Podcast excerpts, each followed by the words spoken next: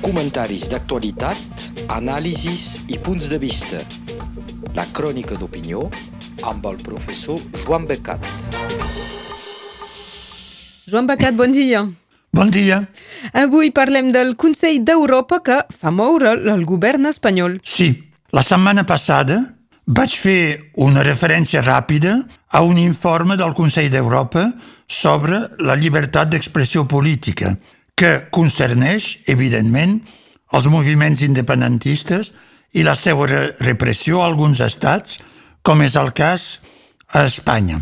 Això i les dues condenes anteriors del mateix Consell, concretament contra Espanya, per la seva justícia no conforme a una democràcia i pels presos polítics, ha obligat el govern de Pedro Sánchez a prendre una iniciativa, la modificació del delicte de sedició.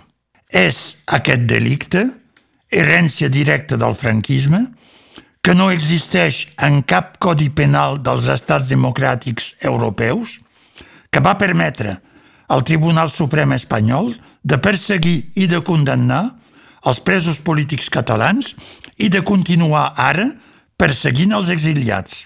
L'informe, aprovat per l'Assemblea Anual del Consell d'Europa, que es diu Llibertat d'expressió política, un imperatiu per la democràcia, diu que plantejar canvis d'estructures d'un estat, com demanar una autonomia o demanar la independència d'una regió d'Europa, no se pot perseguir perquè és una opinió i és la llibertat d'expressió. No ho cita, però és el cas del referèndum de l'1 d'octubre a Catalunya. Només se podria perseguir si hi havia una incitació a la violència.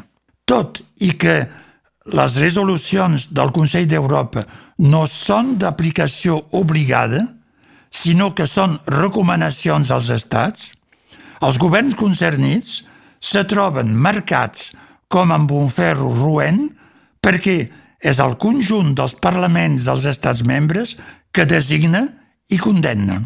A més, el famós Tribunal Europeu de Drets Humans d'Estrasburg, al qual se dirigeixen actualment els presos, els represaliats i els exiliats catalans, va ser creat i depèn sempre del Consell d'Europa. Per tant, el que diu aquest Consell és pres en compte sempre per la justícia internacional. L'informe votat fixa, doncs, un marc de referència que, de fet, pot limitar les accions repressives futures de l'estat espanyol i, ara per ara, ja servirà de referència pels casos en curs que examina la justícia internacional. Arribats a aquest eh, punt, potser que hauríem de diferenciar el que és el Consell d'Europa i la Unió Europea. Són molt diferents. La Unió Europea gestiona l'economia i eh, les seves decisions són obligatòries. No és la democràcia i la defensa de la democràcia la seva principal, el seu principal objectiu. I per tant no cal confondre el Consell d'Europa i la Unió Europea. Tot i que els dos se reuneixin a Estrasburg, cosa que embolica la cosa. El Consell d'Europa és la primera instància internacional creada després de la Segona Guerra Mundial, l'any 1949, per la pau, doncs abans de les comunitats que formaran després del carbó, de l'atom, econòmica, que formaran després la Unió Europea.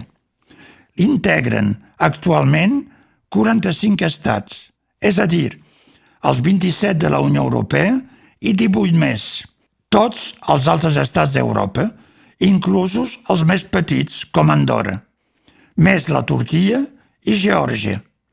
Els sols que no en fan part, com per atzar, són Rússia i Bielorússia. L'objectiu del Consell d'Europa és defensar la democràcia i els drets humans. El Consell d'Europa dona avisos, recomanacions fa denúncies perquè pot investigar a tots els estats membres. Una condemna per ell és una bufetada pel govern d'un estat, com les que va rebre dues vegades Espanya els últims anys, sempre per la seva justícia polititzada que no respecta els drets humans. Altre exemple és una enquesta del Consell d'Europa sobre l'absència de democràcia i de justícia a Andorra, a l'antic règim, que va portar el president Mitterrand, copríncep, a iniciar les negociacions per la Constitució andorana. I ell va forçar la mà a l'altre copríncep, el bisbe d'Urgell, que ell no volia cedir ni poder ni canvi. Cal saber que l'Assemblea Parlamentària del Consell d'Europa, que ha votat aquest informe, reunida a Estrasburg, és formada pels representants de tots els parlaments dels estats membres, majoria i oposició. Per tant, els textos votats tenen un gran pes moral. Recordaré també que és el Consell d'Europa que va suscitar la Carta Europea de les Llengües Minoritàries i Regionals, entre parèntesi, que França no ha encara rectificat. I uh, tornem cap doncs, al cas que ens ocupava a l'inici a l'estat espanyol amb el, amb el president del govern Pedro Sánchez que se mou. És evidentment aquesta acumulació de condemnes i de pressions del Consell d'Europa que ha portat Pedro Sánchez a prendre dues iniciatives. Una, canviar els jutges de les altes instàncies espanyoles, els que han portat la repressió, i dos, suprimir el delicte de sedició. Per ara, no ha aconseguit ni una cosa ni l'altra i potser no les podrà aconseguir. És al mig d'un debat polític i de les polèmiques a Espanya aquests dies. Pels jutges, no se tracta de fer la justícia sense lligam polític, com és actualment el cas amb la dreta i l'extrema dreta postfranquistes, i com ho reclama el Consell d'Europa. No, no, se tracta només de designar nous jutges. En efecte, cal saber que a Espanya hi ha una situació escandalosa. La més gran part dels jutges de les altes instàncies, Consell del Poder Judicial, Tribunal Suprem i Tribunal Constitucional, aquests jutges, la majoria, tenen el seu mandat caducat, alguns des de fa quatre anys, i continuen al càrrec com qui res. Això ve del bloqueig del Partit Popular, que vol que tot quedi igual, amb jutges de la seva banda que ell va posar quan tenien majoria absoluta. Per les noves designacions, pels diputats i senadors, cal un vot de les tres cinquenes part, o sigui 60%, només se pot aconseguir si el PSOE i el Partit Popular se posen d'acord, i no és el cas. Bloqueja el PP per esperar així fins a les pròximes eleccions del 2024, on se pronostica que tindrà amb Vox la majoria absoluta. Tant se val el que digui Europa pel Partit Popular – Espany és diferent. Queda el delicte de sedició, una originalitat espanyola, com he dit, herència del franquisme, que va permetre de condemnar els polítics catalans i tots els que són encara encausats. El projecte de Pedro Sánchez és de substituir-lo pel delicte de desordre públic agreujat i penes de 5 anys de presó. Això permetria d'acabar amb la pena dels polítics catalans ja condemnats, perquè ja haurien complert el seu temps, però no és una amnistia i, sobretot, com ho declara el propi Pedro Sánchez, permetria perseguir i obtenir l'extradició de Carles Puigdemont i dels exiliats perquè treuria el motiu pel qual la justícia belgues s'hi va denegar. El delicte de sedició no existeix a Bèlgica com a altres estats de la UE. Si els suprimeixen, els podran recuperar. Òmnium Cultural s'ha declarat contra la reforma i l'ANC ha convocat manifestacions, no pas per conservar el delicte de sedició, evidentment, sinó perquè la nova pena de 5 anys de presó pel nou delicte de desordre públic que s'acaben d'inventar fa que qualsevol manifestació pacífica cauria sota aquest concepte. Per tant, la llei transformaria les manifestacions en possibles delictes eh, al gust i al parer de qualsevol jutge. Penseu que la justícia espanyola és radicalment diferent de la francesa, Per exemple, pel tall de l'autopista la Junquera i al Pertús, que se'n parla ara, i que va tenir lloc fa tres anys, a França, els arrestats van ser condemnats a una multa per obstrucció a la circulació. I a Espanya, pel tall el mateix dia a la Junquera, van ser arrestats o perseguits per una acció terrorista. És tota la diferència entre un estat que se vol democràtic i un estat que assumeix, Espanya, de ser realment repressiu i sense respecte dels drets fonamentals.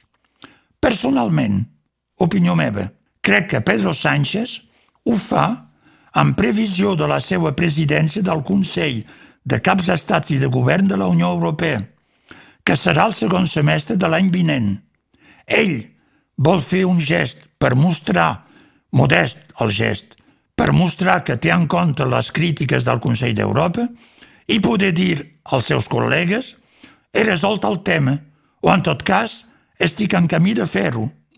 No vol tenir aquesta casserola penjada al darrere i vol donar l'aparència que Espanya ha entrat en la norma dels altres països europeus. Però, al mateix temps, haurà creat un nou delicte a efecte de repressió interior contra la gent aquesta vegada i les entitats cíviques de Catalunya que li resisteixen sempre. Quan els partits polítics, ells, sembla que han renunciat a la beligerància i a la independència dins els fets. Continuarà, crec que en tornarem a, a parlar algun dia. A Brasil, Luis Ignacio Lula da Silva foragita Jair Bolsonaro. És el que ha passat fa una setmana.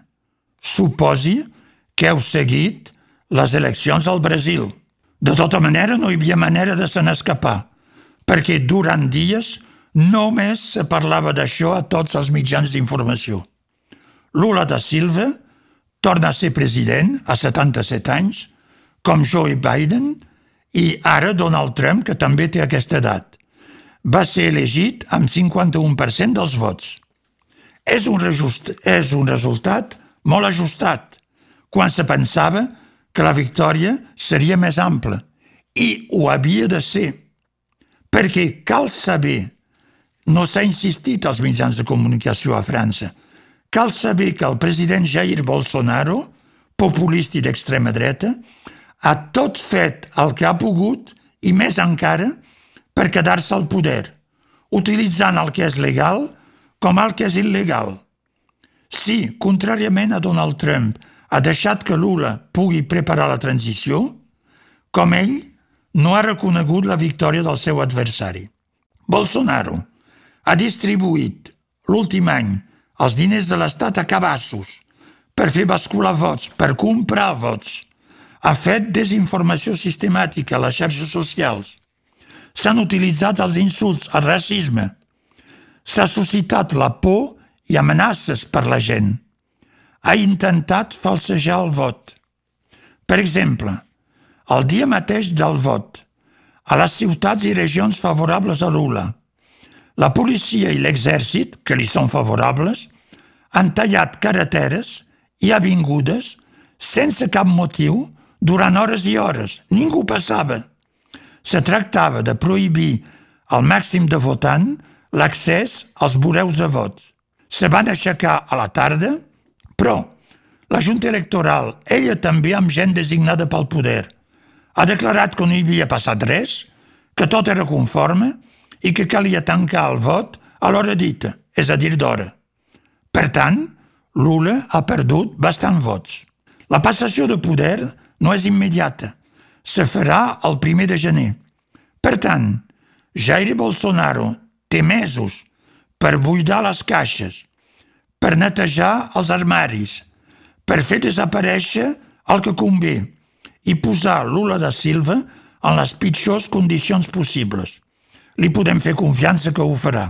Bolsonaro ha deixat una situació bastant preocupant, financera, i la seva gestió va ser desastrosa, pel Brasil com pel planeta Terra. Va negar, recordeu, durant temps l'epidèmia del Covid-19. No se va posar en plaça a Brasil una vacunació sistemàtica i la mortalitat va ser molt forta. Amb més de 700.000 morts pel Covid-19, el Brasil és un dels països que ha pagat el preu més alt. La desforestació de la selva de l'Amazònia va progressar com mai abans i ha estat aquests dies notícia que des de l'elecció els incendis i la deforestació són encara més forts. Per què? Se tracta de guanyar el màxim de terres abans que el nou president Lula da Silva ho limiti eventualment. Bolsonaro és un dels personatges que més ha fet per accentuar el canvi climàtic. Cal esperar que no torni mai al poder. Gràcies, Joan Becat. Bon dia, malgrat tot, a totes i a tots. Comentaris d'actualitat, anàlisis i punts de vista. La crònica d'opinió amb el professor Joan Becat.